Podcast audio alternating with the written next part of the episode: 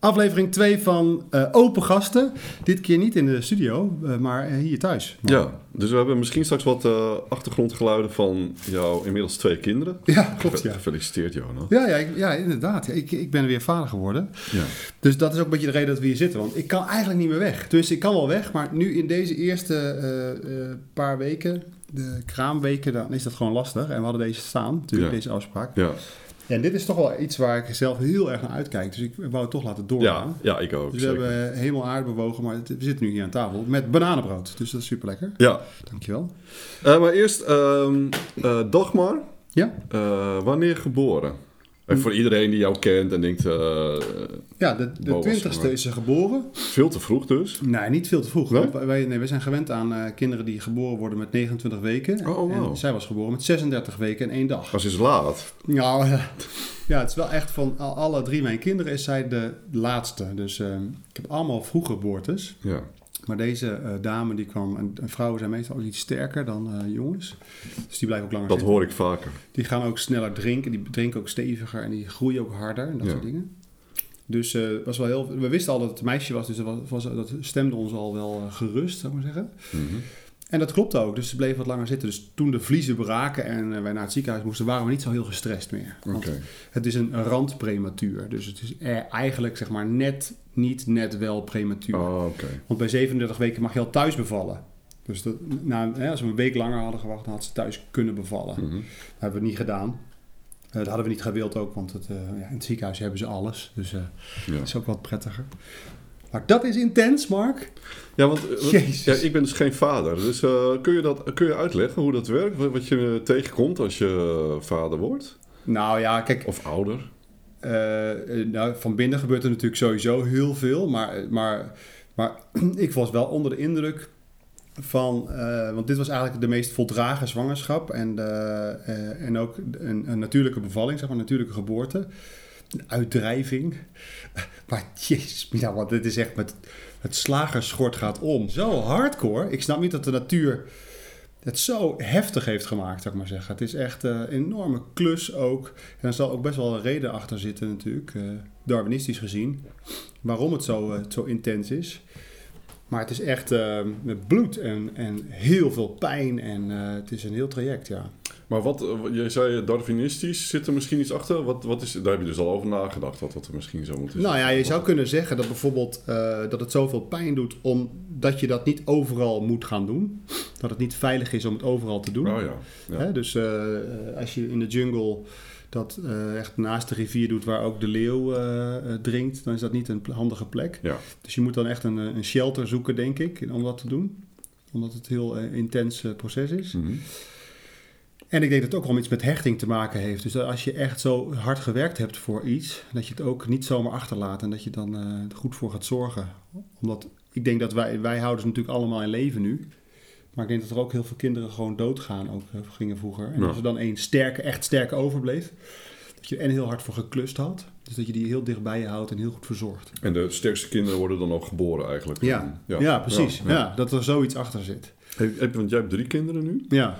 Ehm, zie jij ook een verschil in hoe die kinderen geboren werden en hun karakter? Nou, mijn- oudste zoon is van een, niet van Bo, die is van een eerdere relatie. Mhm. En die is niet helemaal, die is met de keizersnede gekomen. Dus die, eh, die heeft eigenlijk tot 9 centimeter hebben ze gewerkt samen. En toen, eh, toen is er een keizersnede gekomen. En hij maakte in zijn leven, vindt hij het moeilijk om alles af te maken. Oh ja? Ja, en ik weet niet of het zo is. Hè. Dat is natuurlijk, Ja, dat- dat- Je lult er natuurlijk zelf kan een ook punt een aan. invulling zijn. Ja, Ja. ja, ja. ja. Maar goed, zo kan je wel eh, patronen zien. Ja, Ja. precies. ja. Ja. En, eh, en David is natuurlijk een enorm vroegertje. Die was met 29 weken en 5 dagen. Is eigenlijk de vroegste van allemaal. ja. Ja, en je ziet aan, aan dat karakter van die jongen, die wil echt, die wil gewoon leven. Die gewoon, die wil erop uit. Als zijn oudere broer hier weggaat, dan rent hij erachteraan en is je veel te jong. Hij, hij heeft later over het hekje heen gevallen, omdat hij zo graag wil meespelen met andere Oh kinderen. ja, maar Dus dat hij wil, hij wil, hij wil ja, gaan. gaan. toch wel dus, zou je kunnen zeggen. Ja, Eh, want eh, Roberto, mijn man en ik, wij zijn gevraagd om eh, donorvader te worden. ja. Door een vriendin en haar relatie in Brussel. Je weet nog niet of je het gaat doen, of? Nee, nee, nee. Want ehm, kijk, ik- het is vooral zijn vriendin. En, en ze is Italiaanse. Zo is ook weer in een andere stad. Eh, en dat is al een complicerende factor. Naast het feit dat eh, ze heeft gezegd van... nou weet je, jullie kunnen donor worden... maar dan, ik voed het kind wel op. Mhm. Ik ben dan benieuwd, kun je dan onthechten van iets waarvan je weet dat het jouw kind is? Hè, dat, dat vind ik wel... Zou ik niet kunnen? Nee, precies. Dat, dat, dat, maar goed, dat is nu nog een dingproces. Dat weet je volgens mij pas als het kind er is. Dus dat vind ik ook wel heel lastig. En ook heel complicerend is dat zowel Ilaria heet ze, haar ouders, als mijn schoonouders zijn natuurlijk Italiaans. En dat kind, eh, een kind in, met, met grootouders in Italië is gewoon, dat is een heel ander ding dan hier. Mhm. Die grootouders zien zich echt verantwoordelijk, mede verantwoordelijk voor de opvoeding. Ja. Oh ja. Ja, ja, echt. It takes a village to raise a Ja, ja, child. zeker. Dat is daar heel erg. Ja. Ja. Dus eh, ik vind het heel lastig. Maar hou je van kinderen? Ja, heel erg. Ja? Ja. En, je, eh, dus je hebt wel het gevoel van, ik zou wel vader willen worden? Ja. Ja? Wat kikker, hé. Ja. Wauw, ja, het is, het is gewoon, als je het intuïtief voelt, dan ben ik het er wel, dan, dan denk ik van ja, dan komt het er vanzelf, zou ik maar zeggen. Dus dat, ja. Dus dat voel je al in je, in, in je, in je, in je diepe weten, denk ik. Ja. En, en dan manifesteert het zich vanzelf. Dan kan je het bijna niet, dan kan je het nog met je hoofd nog beredeneren, maar uiteindelijk gaat het toch dan gebeuren. En werk denk- er naartoe. Precies, dus wat. eh, en Roberto is helemaal een rationeel iemand. Die wil eigenlijk alles met eh, zijn hoofd beredeneren en Mhm. controleren en plannen. Terwijl juist dit soort ingrijpende keuzes, wat jij ook zegt, dat is gewoon een gevoel. En wat er daarna komt, dat komt dan wel weer goed, wat het dan ook is. Het wordt natuurlijk een achtbaan met heel veel keuzes in het leven, is dat zo. Maar eh, dat is voor hem, heel, voor hem lastiger dan voor mij eigenlijk. Ja, maar ik heb een samengesteld gezin. Ja, dus mijn oudste zoon is hier ene week wel en de andere week niet. Ja, Week op, week af, co-ouderschap. En dan heb je dus te maken met stiefouderschap ook. Hè, eh, dus ehm eh, Bo is, niet- die heeft geen bloedlijn met Stijn. nee. Dat zijn hele ingewikkelde processen, ook Ja. met een, met een ex-partner en dergelijke. Maar jij kiest dan voor een andere vorm. Nou, Met twee vrouwen en twee mannen. Ja. En dan weet je, maar hoe doe je dat met Satan bijvoorbeeld? Is dat, ga je dat in de cup en dan draai je dan Ja, dat, dat zou hopen kunnen, van wie het is? Dat Of- zou kunnen, ja. Dat, Oh, ja. ja. dat dat echt anoniem is. Ja. dat, je, dat, dat je dat mixt. dat, je niet weet, dat je ook niet weet van... We, we hebben al een keukenmachine gekocht. nee, maar dat is wel dat, dat soort dingen dus. Ja. Ja. Maar want, eh, op een gegeven moment ook dat wij, eh, want eh, zij was even bij ons, we waren toevallig in Frankrijk even bij ons om, ehm, eh, om, dit, om de vraag echt voor te leggen. Dus was ik Ja. heel zenuwachtig, Ja, ja. een jaar geleden ongeveer. Eh, toen vroeg Roberto, maar wie zou je dan biologisch de vader willen laten zijn? En toen was ze stil. Ze zei, ja, eigenlijk Mark zei. Ja. ja. Dat is leuker. Nee, dat, ik weet niet waarom, maar daar had een bepaalde reden voor. Oké. Misschien wel omdat Roberto zijn ouders dan ook wat minder, eh, eigenlijk, eh, wat meer Oh, ja. afstand. Dus er waren ook allerlei al dingprocessen aan vooraf. Maar kun je niet dan dat de ene vrouw van jou krijgt en de andere vrouw van Ja, ja, maar straks dan Twee beide. tegelijkertijd. Nou ja, en het is ook nog hier zo dat met dit wordt natuurlijk kunstmatige inseminatie, dan is de kans op tweelingen groter. Omdat, Oké. eh, dus weet je, er zijn allerlei factoren. Maar, Maar je, haalt- ja. je haalt je natuurlijk wel een enorme klus op de hals. Ja, ja. Dat kan niet anders, want je, want je krijgt te maken met... En dat vind ik wel weer heel mooi ook, wat er, wat er relationeel gebeurt. Ook tussen Bo en mij en, eh, en ook in mijn familie, zeg maar zeggen. Wat er Ja. een geboorte brengt, is in een enorm stuk ontwikkeling. En ontwikkeling is natuurlijk nooit makkelijk, maar wel heel mooi. Ja. Het is heel... Ik vind het heel, eh, eh, heel gezond voor je binnenkant, zeg maar. Is het nieuwe grond wel iets op kan groeien? Zie je het zo? Hoe zie je dat, die binnenkant? Die beter wordt of mooier wordt? Van Nou ja, ja ik denk dat, ik denk dat zo'n een live event, hè, of het nou sterven is of, of geboren worden, Ja. of eh, uit elkaar gaan, of de dood, of ja, nou, de dood sterven. Ja. Maar al dat, of scheiden, of, of, of ziekte, of wat dan ook, dat, dat, dat, ehm, dat druk je gewoon met de neus op de feiten. Even, Ja. en heel erg. En je gaat dus door, door een trechter heen die gewoon pijn doet ook.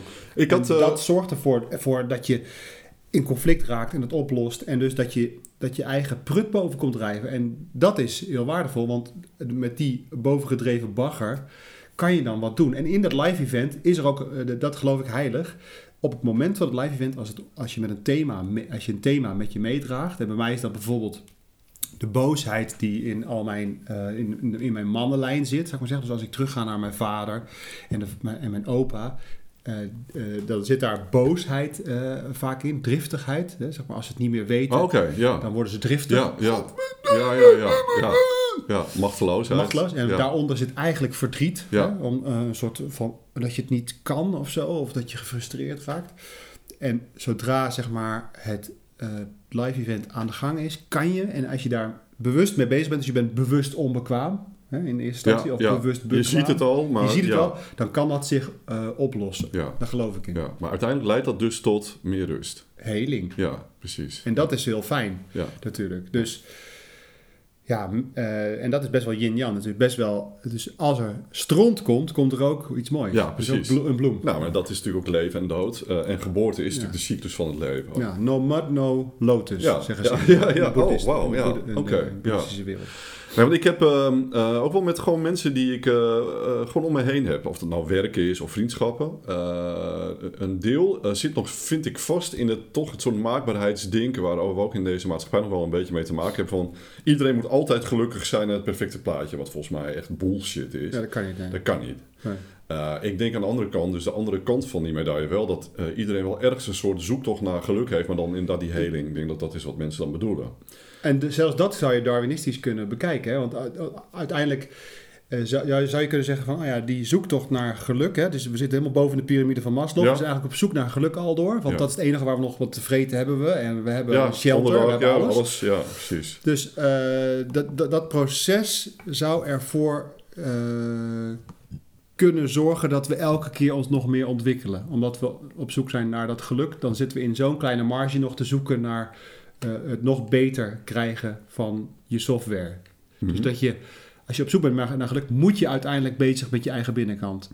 Ja, ja, Toch? precies. Anders kan het niet. Als er oorlog is, dan moeten we bezig met voedsel zoeken. Ja. En dan maakt het even niet uit hoe jij je voelt. Ja, precies. Nou, Ja, terwijl ook, ehm, eh, maar wat ik dan eh, ook wel eens in discussies heb, is bijvoorbeeld een van de bedrijven waar ik voor werk, die zit heel erg in de, hè, de excelleren, dus excellentie, en dan word je bij begeleid en zo. En ik heb heel vaak een discussie met die mensen van, eh, wat is excellentie? Dat is toch dat eh, maar een paar mensen echt boven de middelmaat uitsteken. Eh, dat kan, als iedereen excelleert, bestaat het dus niet meer. Dan hef je de excellentie weer op, omdat Ja. iedereen dan weer hetzelfde is. mhm. En wat doe je met die mensen die het of niet kunnen, of niet willen? Hm. Eh, die maak je eigenlijk ongelukkig met zo'n bijna dwang van je moet excelleren. Mhm. Terwijl die mensen misschien, als ze gewoon doen waar ze voor zijn ingehuurd, ook wel eh, prima tot hun recht komen. Mhm. Er zit ook een heel erg een in van iedereen moet perfect zijn en je mag niet buiten de boot vallen en zo. Dat is denk ik juist precies die stressfactor Mhm. die niets te maken heeft met zelfontwikkeling. Dat je ook eh, accepteert juist van ik voel me heel erg kut, maar hier kan ik iets mee. Maar ik moet me altijd goed voelen en altijd presteren en altijd de beste zijn. Mhm. Dat is een heel ander proces. Ik snap niet helemaal. Als je zegt van mensen moeten excelleren, dat is voor mij niet dat je zegt eh, eh, laat gewoon dingen gebeuren en haal er iets uit. Dat Nee. vind ik twee verschillende dingen. Ja, klopt, ja. ja. Dus dit stimuleert, vind ik niet eigenlijk dat mensen eh helen en betere versies van zichzelf worden. Nee. Excelleren. Nee, precies. Terwijl het wel, het, ze doen wel net alsof dat iets is van een ontwikkeling. Maar ik denk dus dat het niet zo is. Ja, je zou ook kunnen zeggen misschien wel van niet iedereen hoeft te excelleren, toch Ja, ook? precies. Je kan ook gewoon... Je hebt ook soorten, soorten diersoorten die gewoon willen zijn. Of gewoon een proces... Of nog eens willen slapen. Of- Precies, een kat. Ik, Ja. ik zeg altijd, eh, Roberto wij zijn twee katten eigenlijk. Oké. Zo- Zo, dat is echt ons symbolisch dier. Mhm. Dus wij kunnen heel erg ook, als iemand mij op schoot trekt, dan kan ik soms heel erg zo doen, van ga weg jij. Of soms denk ik, oh goed, precies zoals een kat. Ik kan het niet uitleggen, het is gewoon zoals het is. Eh, en ja, ik denk dat inderdaad, eh, als je mensen de hele tijd eh, voorhoudt, je moet altijd aanstaan en jezelf verbeteren enzovoort, Mhm. dat heel veel diersoorten onder de mensen daar helemaal niks mee kunnen. Hmm. Om even terug te gaan naar dat, naar dat vaderschap, hè? Ja, Als jij nu, stel je voor dat het proces, dat jullie dit gaan doen, hè, dat zou kunnen. Ik denk dat er, daar moeten behoorlijk wat eh, eh, gesprekken over gevoerd worden natuurlijk. Maar stel je voor dat je vader wordt en dat je dat live event in zou gaan. Welk thema zou jij dan meenemen in dat live event om op te lossen? Wat is nou momenteel zeg maar hetgene wat je nog aan jou, eh, waar je mee bezig bent? Zeg maar? vanuit mijn ehm, eh, vaderlijn. want mijn vader die is heel sensitief ook en creatief. En die heeft dat nooit ruimte gegeven. Dus die is aan de alcohol verslaafd geraakt. En Ja. heel erg ontspoord. Eh, met alle pijn voor iedereen van dien. Ehm, en ik denk dat uit zijn, oud, zijn ouderlijke lijn zit heel erg van... je moet voldoen aan wat eigenlijk de, de wereld van je verwacht... in plaats van wees gewoon helemaal jezelf. Dus eh, dat vind ik voor mezelf, ben ik, ik ben een soort nog niet onbewust, maar bewust bekwaam. Dus ik let erop eh, dat ik het doe, maar dat lukt me wel gemiddeld wel steeds beter. Huh? Ik zou dat echt heel erg graag... Heeft dat te maken met de, in de vorige aflevering had je het over imploderen van creativiteit? Dus Ja, ja, zeker, zeker, zeker. Ja, ja. Maar dat is in mijn geval creativiteit. Het kind hoeft natuurlijk niet per se creatief eh als... Nee, maar niet, niet over het kind, hè, maar over jezelf, over je eigen ontwikkeling. Ja, Dat zou je willen doorgeven, zou ik maar Ja, zeggen, precies, aan, aan jouw zoon of dochter. ja, ja. Maar Eh, wa- Oh, wat zou, wat zou je voor mijzelf? Ja, wat zou je, want als je helemaal open ligt zometeen, wat ik ook merk dat je heel super gevoelig bent in die periode helemaal open staat. Ja. Wat zou je dan, wat zou er aan jouw binnenkant, wat zou je nog willen aanpakken? Eh, ik denk alles eh, wat komt gewoon accepteren. Dus alle emoties en alle gedachten en alles wat er gebeurt. Want dat lukt toch niet? Dat, dat vind ik soms nog lastig. Ja. Ja. Ja. Terwijl eigenlijk, ik weet het wel, want als ik het accepteer, dan is het ook zo weg zonder het weg te willen hebben. En zo werkt het dan vaak. Terwijl als je ermee gaat vechten of er, eh, het heel opblaast, dan wordt het alleen maar groter van en onprettiger. Ja. Eh, dus dat, dat zou bij mij direct oproepen, als Ja. eerste. Ja. Ja. Oh, mooi. Ja. Want die, die mannenlijn waar jij het ook nu over hebt, hè, dat is, eh, ik heb laatst een familieopstelling gedaan. Ken je dat? Ja, zeker. Ja? Ja? Heb je gedaan ook wel? Ja, wel eens gedaan. al. Een tijdje geleden alweer. Ja, nou, ik vind het echt eh, het is magisch om te doen. eh, eh, mits je natuurlijk wel een goede begeleiding eh, daarin hebt. Dus het was niet met een groep of iets dergelijks, maar was gewoon met één iemand heb ik dat eh, gedaan. En mijn vader was mee. Dus ik heb het samen met mijn vader eh, gedaan. Ja. Ik, heb, eh, ik, ja, ik ben in de rijke positie dat ik echt een hele mooie open band heb met mijn, eh, met mijn vader. En eh, met mijn moeder trouwens ook. Maar eh, dus, dus hij had zijn eigen vraag en ik had ook mijn eigen vraag voor die sessie. Dus we hadden eigenlijk twee sessies, maar we waren wel bij elkaar sessie. Dus hij deed ook mee in dat familieopstelling verhaal. Als je nu zit te luisteren en je denkt van wat is familieopstellingen? Google het een keer en, eh, en eh, eh, het komt er eigenlijk op neer dat je met een, een therapeutachtige figuur, zou je het zo noemen? Ja, ja, ja. Dat, dat je in de ruimte daadwerkelijk gaat staan en dat hij, want hij had in dit geval had hij geplastificeerde symbolen, zeg maar, die je dan eigenlijk die, die koppelt aan bijvoorbeeld broers en zussen en dat soort dingen. En zo eigenlijk jouw familie neerlegt. ja. En als je dan met een vraag komt, dan ontstaat er eigenlijk, hè, hij, zet, hij zet je gewoon neer in de ruimte, dus je moet ergens gaan staan en zegt, nou, waar is, ten opzichte van jou, waar je nu staat, waar staat dan je vader of waar staat dan je moeder? ja. En zo ontstaat eigenlijk een soort palet van je eigen familie. En er kwam eigenlijk uit dat, ehm, eh, dat, dat mijn, ehm, mijn voorouders eigenlijk uit twee lijnen bestaan, vanuit mijn vader gezien. En dat zijn ehm, de Nijsens en de Van der Vluchten. En de Van der Vluchten, dat waren eigenlijk... De Nijsens waren hele succesvolle zakenmannen. En, eh, en, ehm, en eh, die, die, die het lekker vonden om eruit te gaan, op uit te gaan. Die waren allemaal, zaten allemaal in de bollen. In de bollenhandel. Oh ja. Eh, dus die gingen naar eh, Scandinavië toe om, ehm, om eh, tulpen te verhandelen. En die waren daar succesvol in. En mijn opa's kant eh, eigenlijk, hè, zoals mijn oma's kant, mijn opa's kant is eigenlijk meer de van de vluchtenkant. En die waren ook, die waren hard, harde werkers, maar die verkloten het ook vaak. Er waren ook de gevoelige jongeren, jongens meer. Mhm. En die anderen waren meer de hardere zakenmannen. En ik kwam er eigenlijk achter dat ik eigenlijk die twee heel erg in me heb. Want als ik naar buiten ga, ben ik eigenlijk de, kan ik best wel de gewiekste jongen zijn die, die het hem flikt, zou ik Ja. maar zeggen. En, maar van binnen ben ik eigenlijk best wel, als ik naar binnen keer, ben ik best wel een gevoelige eh, eh, gozer. Dus, ehm, en als je dan ook nog eens een keer gaat kijken naar het verleden van mijn opa. En, en dan kom ik terug op die boosheid die ik bijvoorbeeld als thema ook wel mee heb genomen in dit live event. Die heeft in de hel van Race gezeten. En een race is een, een, eh, een kamp, een werkkamp van de Duitsers.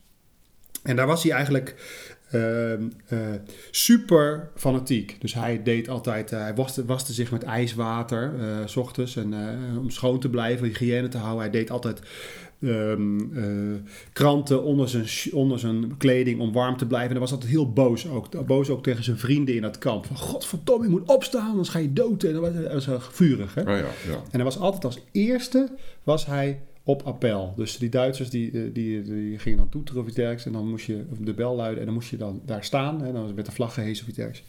En dan was hij als, als eerste. Dus hij was echt bloedfanatiek om daaruit te komen. Zeg maar. Ja, dus een oerdrift om te overleven. ja. En alles wat, wat, wat, wat al die mannen in mijn lijn hebben, is bijvoorbeeld, nu heb ik ook, want jij kwam om half twaalf en ik heb gerend om, eh, om hier te zijn om half twaalf. Dat is gek, hè? Ja. Dus dat zit altijd nog in me, zeg maar, die gefoktheid Ja. van dat het, het moet goed. Ja, ja, heb ik ook. Dat zit heel erg diep in me. En ik geloof dus dat die schade van zo'n oorlog, of hè, van de opvoeding, van de, de pijn die mijn vader heeft gehad in zijn opvoeding, dat, dat je dat meedraagt. En dat je daar stukjes van op kan lossen. Ja. Zodat ik, zeg maar, aan David en Dagmar en Stijn eh, weer iets minder van die... Hoewel ze ook kunnen, nog zullen zeggen, ja, mijn vader was af en toe driftig.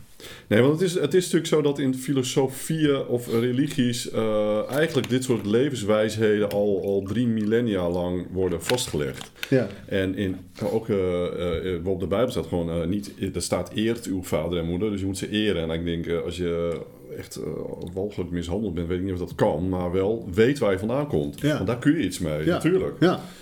Uh, want bijvoorbeeld mijn opa van mijn moeders kant. Mijn moeder is een hele open, warme, sociale vrouw die ook haar emoties zo toont. Dat heeft ze van haar moeder. Want haar vader, oftewel mijn opa van mijn moeders kant. Die heeft in uh, arbeidseinsatz gezeten. Ook bij Oh. onder de Duitsers. Ja. Ook echt met mishandeling en zo alles. Die heeft daar nooit iets over verteld of laten merken wat hij daarbij heeft gevoeld. Nooit. Tot aan zijn dood. En zijn hart was letterlijk zijn moordkuif. Heeft drie hartinfarcten gehad. Ja. Hij toonde zijn emoties nooit. Ja. Nou, ik dacht dat... Dus, en eh, ik heb dat gelukkig iets meer van mijn moeder meegekregen. Ik vind het wat makkelijker. Maar mijn zus is ook iemand die gewoon altijd een gesloten oester is. En, Ja. dus die patronen zie je inderdaad gewoon eigenlijk altijd terug. Ja. En ik denk dat je daar last van krijgt als je er niks mee doet. Dat het steeds meer pijn gaat doen. Ja. Ja. Ja. Eh, en ik heb ooit een therapeut gehad die zei... eh, dit soort levenslessen die fluisteren eerst. Dan schreeuwen ze, dan bonzen ze op je deur. En dan trappen ze gewoon de deur in. Ja. Ja, dat kan dus ook gewoon echt een ziekte zijn volgens Ja. mij. Ja, ja, zeker. Letterlijk en figuurlijk een ziekte. Ja, Ja. ja. zeker. Ja. ja. Dus, dus, dus jij zegt eigenlijk van, dus als je met je binnenkant aan de bak gaat, dan, dan, dan heeft het zijn uitwerking ook op je gezondheid. Ja, dat denk ik wel. Ja. Sterker nog, dat weet ik van mijn eigen lichaam wel. Dat Hmm. ik daar eh, veel minder... eh, Want vroeger was jij ook zwaarder, hè? Je hebt ook een periode gehad dat ik jou leerde kennen, was jij een stuk zwaarder. 20 kilo zwaarder. Ja. En dat Allemaal ballast. Ja, hè? Ja, zeker. Ja, hè? Ja, En, eh, maar toen rook je ook en drink, drank, dronk je ook meer, denk ik. ja. En, eh, maar dat is van je afgevallen eigenlijk? Heb je niks voor gedaan? Nee, nee, nee. Ik heb... ehm, ehm, ik denk na mijn studietijd al wel gedacht van... dit is niet goed voor mij. Want dat was nog niet echt eh, een soort bewuste keuze... maar wel een soort ontluikend iets. Maar ik denk dat ik gewoon op een gegeven moment... eh, uit zelfrespect voor mijn lichaam dacht... ik ga mezelf dit niet meer aandoen. Nee. Toen ben ik echt in één keer gestopt met roken. En eh, toen heb ik ook gelijk ben ik begonnen met sporten en gezond Ah. eten. Dus Ah. in één keer. Ja. Ja, en dat was voor mij toen niet moeilijk op de een of andere manier. Nee. Omdat het zo'n diep eh, besluit was. Ja. Eh, en ik hoef er nu ook veel minder op te letten. ja, passie of urgentie is het dan, hè? Ja, een het- verand- ja. verandering. Dus dat was passie. Passie. Ja, Ja, van dat je dacht, nu heb, dat voel ik echt. Ja. Nu gaan we ervoor. Hey, en je hebt dus nu, je, je derde kind is net geboren. Ja. Eh, kom je dezelfde dingen tegen als bij Stijn? Nee, Of is het heel anders? totaal anders. Oh ja? Tuurlijk. Oké. Het zijn drie totaal verschillende vormen van liefde. Dus energetisch, zou ik maar zeggen. Dus als ik Dagmar nu op schoot heb of op mijn borst heb, ik eh, vind het lekker om s'avonds, dan doe ik mijn t-shirt uit en ligt ze op mijn blote borst, eh, huid op huid. Dus de oxytoci- oxytocine waar we het de vorige keer over gehad Ja, hebben, volgens ja, mij. ja. Dus die huid op huid ehm, eh, vind ik heel leuk om te, om te doen. En dan, ja, dan, als je dan gewoon ook een beetje ehm, aandacht daarvoor hebt, dan voel je ook wel iemands energie natuurlijk. ja. en dat is natuurlijk bij, bij zo'n klein meisje wat nog niet zo heel veel doet, heel pril. Maar en bij zo'n, eh, bij zo'n jongen die nu anderhalf is en gewoon rondloopt, is dat natuurlijk dat eh, de, de, de- je relatie is veel duidelijker die je hebt natuurlijk. Eh, de David heb je zien rondlopen, die is anderhalf. Ja, die heeft echt al een karakter en die loopt gewoon rond. En dat is gewoon echt mijn vriend, is dat. En daar heb ik, al, ja, daar heb ik echt een relatie mee, maar met Dagmar natuurlijk nog niet. Nee. Maar je voelt al wel een beetje, oh ja, zij is eigenlijk heel rustig. Zij is hele rustige, kalme energie. Zo voelt het tenminste nu nog. Misschien wordt het wel een enorm secreet. Maar eh dus heel relaxed en heel rustig en zacht. En eh, zeg maar dat vuur wat je bij David hebt, wat, hij wil zo graag leven en knallen, dat, dat, eh, eh, ja, dat heeft hij dan weer. En bij Stijn, Stijn heb ik een meer moedelijke energie. Dus ik, ik wil hem altijd, ja, ik ben eigenlijk, ik heb het een beetje het gevoel dat ik zijn moeder ben. Dus niet, niet ten nadele van zijn, van zijn eigen moeder. Zijn eigen moeder is een hele stoere dame die altijd erop uitgaat en altijd veel naar buiten treedt. En bij mij is, trek ik hem altijd in de rustritme regelmaat. En ik ben altijd eh, bezorgd over, eh, meer, zit meer zorg op, zou ik maar zeggen, Oké. op Stijn. Maar is dat, zit dat in jou of in hem? Dat zit in mij. Oh ja, oké. Dat zit in mij. Want ik geloof dat eh, al die kinderen er echt voor, zelf voor kiezen om hier op aarde hun ding te doen. Eh, eh, dat is gewoon hoe ik het zie. dus eh, dat, klinkt, dat klinkt misschien spiritueel of, vaag. Dus, dus ik ben niet verantwoordelijk voor hun pad, zou ik maar zeggen. Maar ik ben een soort Sherpa. Dus ik loop mee de berg op. Ik zet af en toe een tent op en ik, en ik denk mee over is dit de juiste route. En op het begin help ik ze heel, heel erg natuurlijk met dingen, maar op een gegeven moment, het is wel hun leven. Dus ook bijvoorbeeld dat ik met de moeder van Stijn uit elkaar ben, is niet iets eh, waar ik me. Ik, voel, ik ervaar wel dat mijn software er af en toe schuldgevoel op heeft en, en, en schaamte op heeft. Of wat ik Oh, dat, ja. het voor hem, dat het voor hem dat hij geen ouders heeft die bij elkaar zijn. Ja. Maar ehm, ehm, mijn diepere weten realiseert zich wel dat het echt zijn pad is, zou ik maar zeggen. Dit is jouw pad. ja. Dus Dus ik had ook, een- dit ik- ook ik had- onderdeel hoort daarbij. Ook. Ja, ik had een vader die latent homoseksueel was en een, eh, weet je wel, en een gehandicapt broertje. Ja, jij hebt eh, twee huizen. Dat wordt jouw ding. Ja. En ik zal je er zo goed mogelijk bij helpen. En ik zal zo eerlijk mogelijk zijn over hoe, hoe het gegaan is. Maar ik kan niet liegen tegen mijn intuïtie. Dat gaat niet. Dus eh, dit is het. Ja. Nee, want eh, mijn ouders zijn ook gescheiden toen ik elf was. Eh, en ik heb eigenlijk nooit daar moeite mee gehad, omdat eigenlijk dat rust bracht. Ja. En harmonie en, en eh, een veel prettigere energie ook. Ja. Ik was eigenlijk heel blij dat ze gingen scheiden. Ja. hè? Het was een verschrikkelijk huwelijk. Ja. twee. ja. Dus zo'n schuldgevoel. Eh, ik weet, ja, dat is inderdaad gewoon software. Want Mhm. het is natuurlijk eigenlijk een verbetering van twee levens waar zo'n kind afhankelijk van is, dan Mhm. lijkt mij. Mhm.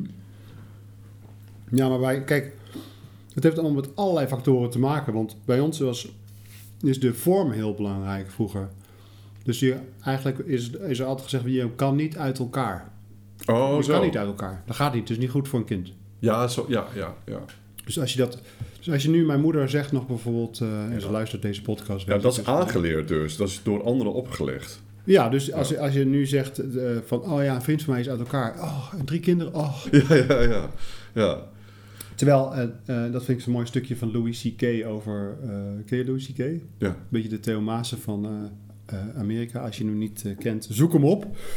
Maar die zegt over van... Geen één, huw, geen één huwelijk, een goed huwelijk, eindigt in een scheiding.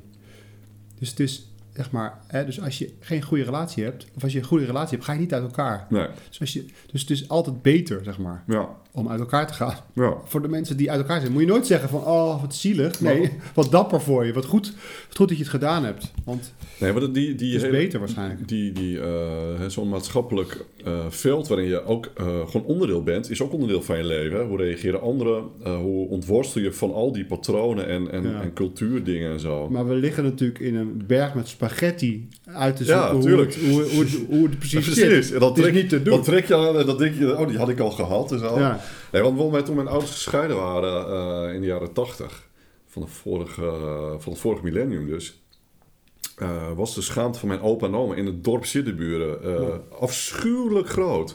Die wilde mijn moeder niet zien, omdat mijn moeder had hen aangedaan dat zij zich moesten schamen. ja, Dus mijn moeder heeft haar ouders gewoon een jaar niet gezien. ja. Dat is echt waanzinnig. Dat kun je en niet voorstellen. En ik denk ook, dus dat de schaamte groter is dan de liefde voor je kind, Hmm. vind ik ook bijzonder hoor. ja. Maar, maar daarin worden we denk ik steeds zachter. Ja, Hè? Dus onze ouders hebben best wel pittige ouders, nog oorlogsouders gehad. hè, Ja. Die echt geknokt hebben nog voor hun voedsel en weet ik veel wat. ja. En, en daar was ook gewoon geen tijd om zacht te zijn. Gewoon, gewoon je bek houden en door, eh, doorgaan. ja. Dus eh, wij, wij doen alweer veel zachter en onze kinderen gaan ook weer, hoop ik, eh, zachter doen. Tenzij er weer een enorme crisis komt, dan komt er weer een nieuwe fase natuurlijk. Ja. Maar ik vind die, die patronen die jij eerder noemde van ehm, eh, dat je dus het gedrag van je ouders overneemt. Mhm. Dus het kopieergedrag. En je bent op een bepaalde manier opgevoed en genetisch belast. Dus je hebt eigenlijk drie lagen ja, waarop jou is aangeleerd hoe jouw overlevingsstrategie zou moeten zijn. ja, En dat is eigenlijk allemaal, als je eh, er op een afstand naar leert te kijken, wat ik heb gedaan ook. Gewoon, ik heb gewoon geselecteerd, dit vind ik nog wel eh, waardevol en dit hoef ik gewoon niet meer.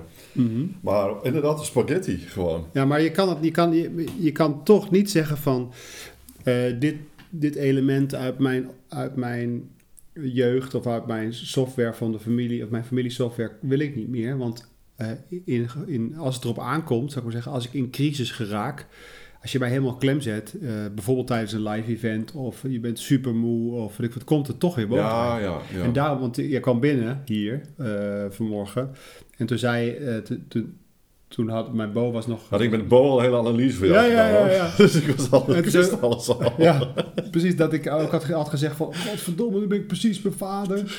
Ja, precies.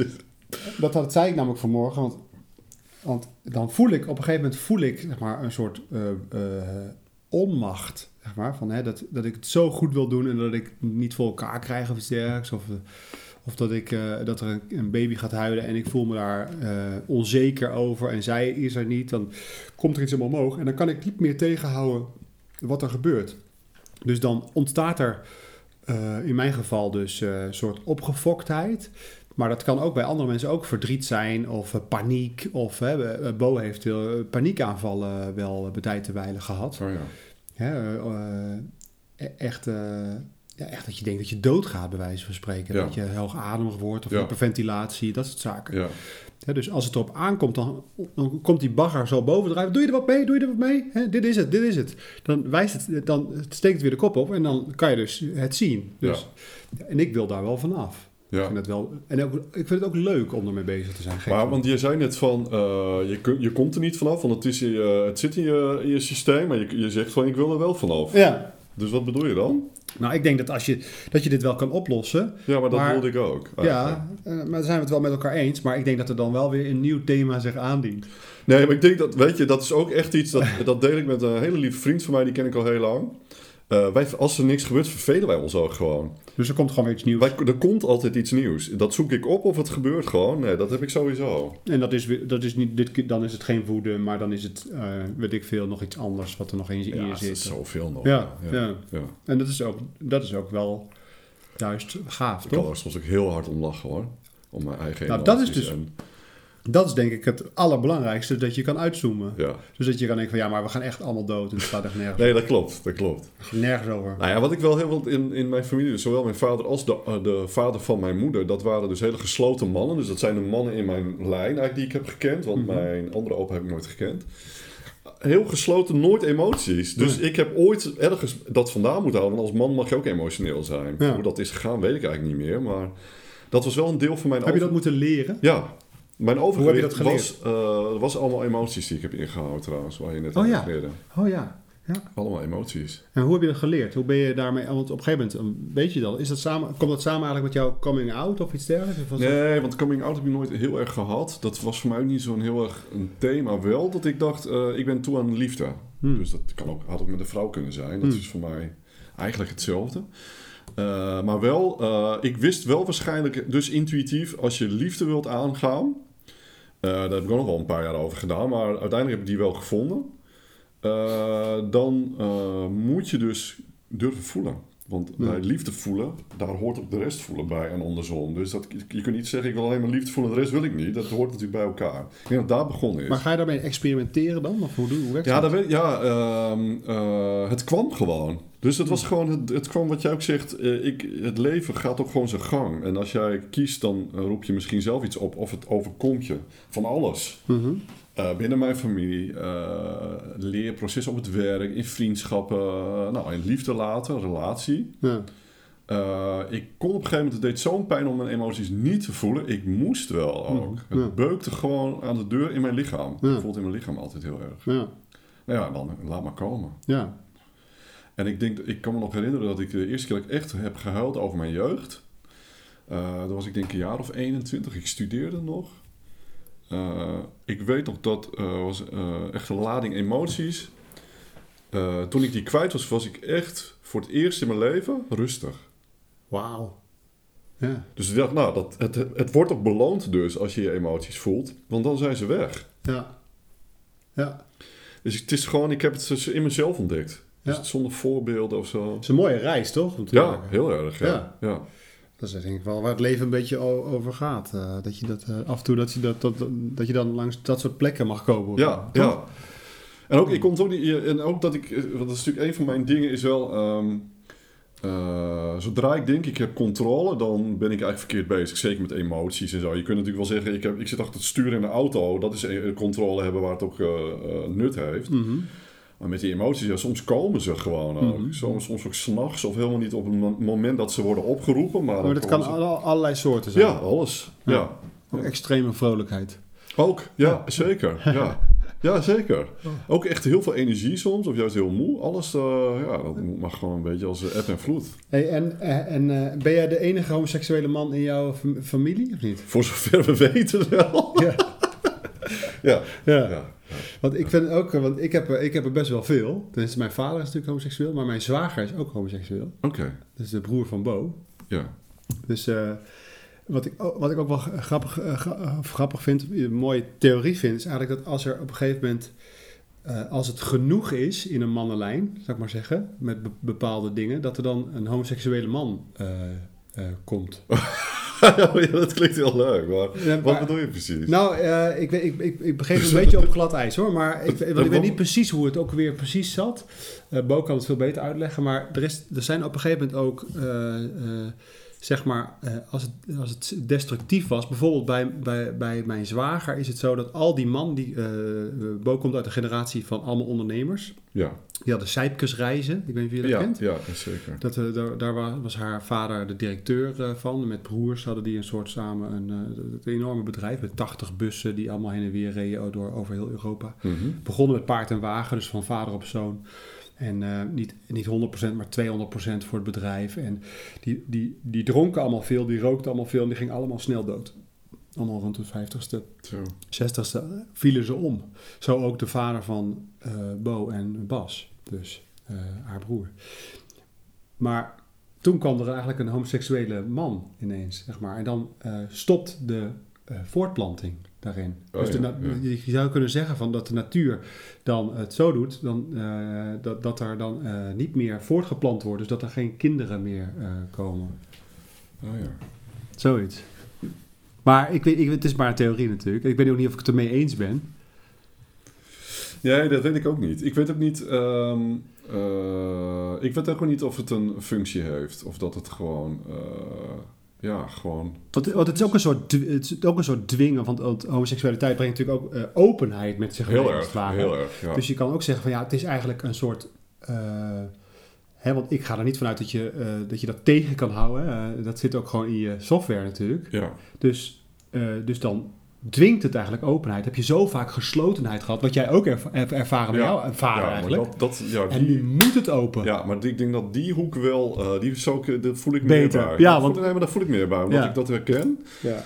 Uh, maar daarnaast, kijk, de echt hele grote artiesten, vooral op fysiek vlak, hè, dus uh, choreografen, Ik zou niet willen zeggen dat, dat, dat, dat je niet kinderen moet krijgen. Nee, dat ik bedoel? nou, natuurlijk niet, maar dat begrijp ik wel. Uh, maar, maar, wel, maar, want, maar wel dat het anders moet. Nee, zeker. Het is een breuk in een uh, lijn. Alleen, in een ja, je hebt natuurlijk ook best wel veel generaties hiervoor gehad die of niet uit de kast kwamen, voor zover je dat zou moeten trouwens. Of in ieder geval een, gewoon een een vanzelfsprekend open leven leiden als homoseksuelen. Die, de generatie van mijn opa en oma, die hadden dat niet. Nee. Dus ik weet niet of er onder al die, dat waren gezinnen van 12, 13 kinderen, dan moet een homoseksueel tussen hebben gezeten. Hm. Statistisch gezien moet dat. Ja, ja, ja. Maar dat, ik ken niemand. Nee, nee, nee. nee. Maar dat kon niet, hè? Nee, dat kon niet. Nee, dat kon niet. Nee. Maar ja, die, die openheid, dat, dat, dat voel ik wel zo. Omdat, uh, uh, vorige keer hebben we het heel gehad ook over creatief zijn. Ja. Maar dat heeft gewoon met, uh, wat jij nu ook zegt, van intuïtief en zo. Alles staat open met zo'n kind. Mm -hmm. Alles voelen en alles komt binnen. Uh, dat vind ik uh, eigenlijk heel geweldig. Ook al voelt het hartstikke kut soms. Maar dat vind ik wel een van de Ja. mooiere kanten ervan. Ja. En dit is daar wel onderdeel van. Wat, Dat je, nou ja, dat je inderdaad altijd in zo'n maatschappij die heel hetero-gericht is, toch bij jezelf leert blijven van ja, ik ben gewoon uh, niet de meerderheid. Ik ben wel normaal, vind ik, maar niet de meerderheid. En uh, ja, soms moet je het toch benoemen, omdat mensen toch dingen invullen die niet kloppen. Mm -hmm. Ik heb één keer gehad, dat was een heel mooi voorbeeld. Ik dacht, het is. Ik heb er, het raakt mij niet meer hoor. Maar ik had een programma bij Radio Noord. En er was een, een meisje, een best wel dwingend type ook. En die gaf, organiseerde salsa lessen. En ik doe dingen echt op intuïtie. En die, ze, ik moest met haar gaan salsa dansen als voorbeeld in die uitzending. Ik zeg, maar het is radio, niemand ziet dit. Dus dat was al heel raar dat zij dat vroeg. Maar goed, op een gegeven moment, uh, uh, het werd een heel dwingend gesprek. En aan het einde zei ze van, uh, anders kom je een keer dansen. En, want ik had gezegd, ik ben getrouwd. En neem je vrouw ook mee. Dus ik, nou, ik dacht, ja, oké. Okay, dus ik zei, nou, dat kan niet. Toen zei, toen zei ze, je bent toch getrouwd? Ik zei, ja, dat klopt. Maar toch kan het niet. Is ze dan gehandicapt? Ik zei, nee, dat, dat- ik kan geen vrouw meenemen. En toen was aan het eind zei ik, ik ben met een man getrouwd. Ja. Heel veel ongemak. Maar dus iemand zit al acht stappen in te vullen naar een man toe... voordat iemand er misschien eh, aan denkt... oh, misschien eh, is het niet iemand die op eh, vrouwen valt. Uh-huh.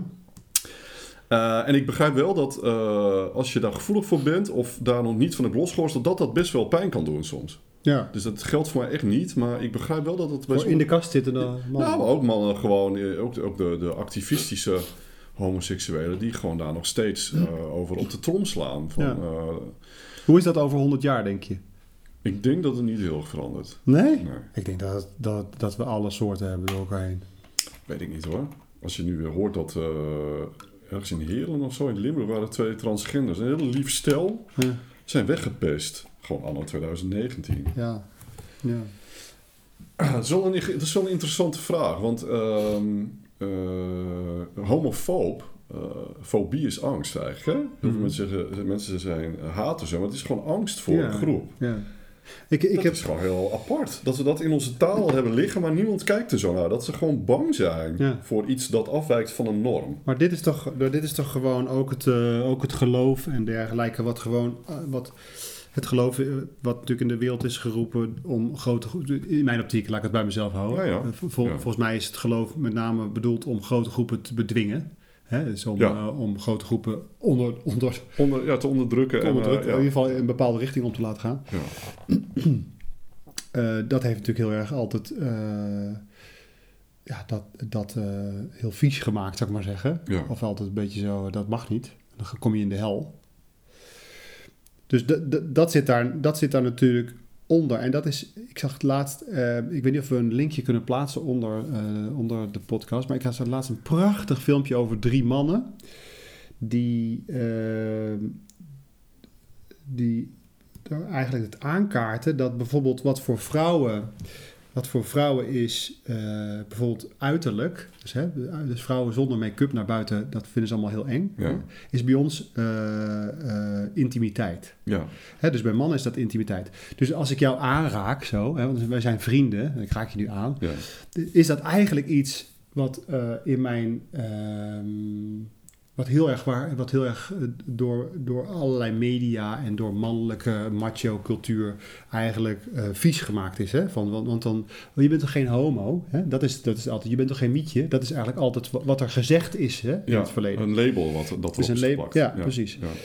Ik heb een prachtig filmpje gezien van mannen die daar eigenlijk... De, die daar, die, want vrouwen kunnen met elkaar douchen. Vrouwen kunnen met elkaar arm in arm lopen. Vrouwen kunnen met elkaar, weet ik veel, elkaars haar vlechten of whatever. Of Ja. elkaar opmaken, eh, tutten en weet ik veel wat. Ja. Eh, in de sauna elkaars rug wassen. Maar wij mogen dat niet meer, wij mannen. Terwijl... Ik denk dat als je teruggaat bijvoorbeeld naar de Grieken en weet ik veel wat, dat de broederschap, zou ik maar zeggen, Ja. Hè, dat is, dus, dus, en daar is dat, is dat hele, daar is dat hele eh, homoseksualiteit gebeuren ook helemaal, eh, eh, eh, net als seks, helemaal eh, ranzig geworden. Terwijl het, ja, terwijl het gewoon, denk ik, eh, als je teruggaat, ook, ook heel normaal was. Ja, het is denk ik eh, één. eh, volgens mij een reden waarom eh, er zoveel homofobie is. Omdat homoseksuelen staan eigenlijk dus voor intimiteit tussen twee mannen. Mhm. Dat kan niet anders dan intiem, intiem zijn. Dus dat Mhm. is daarom confronterend voor mannen die worstelen met intimiteit met andere mannen. Ook al zijn ze niet homoseksueel. Ja. En wat ik ook wel interessant vind is dat... ehm, nou ja, Italië ken ik natuurlijk goed, maar wij hebben ook wat eh, kennis uit bijvoorbeeld Libanon of Iran. Dat zijn best intieme mannen. Ja. Dat is heel raar eigenlijk. Dat het dus ja, dat is wel raar, ja. zo'n zo'n toch Maar daar is, daarom is, daar is homoseksualiteit nog meer een taboe, denk ja, ik. ja, zeker. Verboden in sommige landen. Ja. Terwijl, eh, maar intimiteit tussen mannen is daar wel gangbaar. Ja. Dus, eh, dat is wel interessant. Ja, dat is wel gek, hè? Ja. Ja, je zou zeggen dat het dan da- juist daar helemaal niet zo is. Maar ik denk dat het meer in het Westen zo is, dat het, dat het Ja. no-go is. Ik denk dat eh, vooral Amerika met die cowboy-cultuur... Want stel dat wij nu, nu wij zitten nu en we zitten, zouden met elkaars been tegen elkaar aanzitten. Ja, Dan is, dat, dan is dat al, voor ons mannen is dat eigenlijk al not done. ja. Toch? Ja. Dat voelt, ik, voel, ik doe het nu. Het voelt, dat voelt al raar. Voor jou?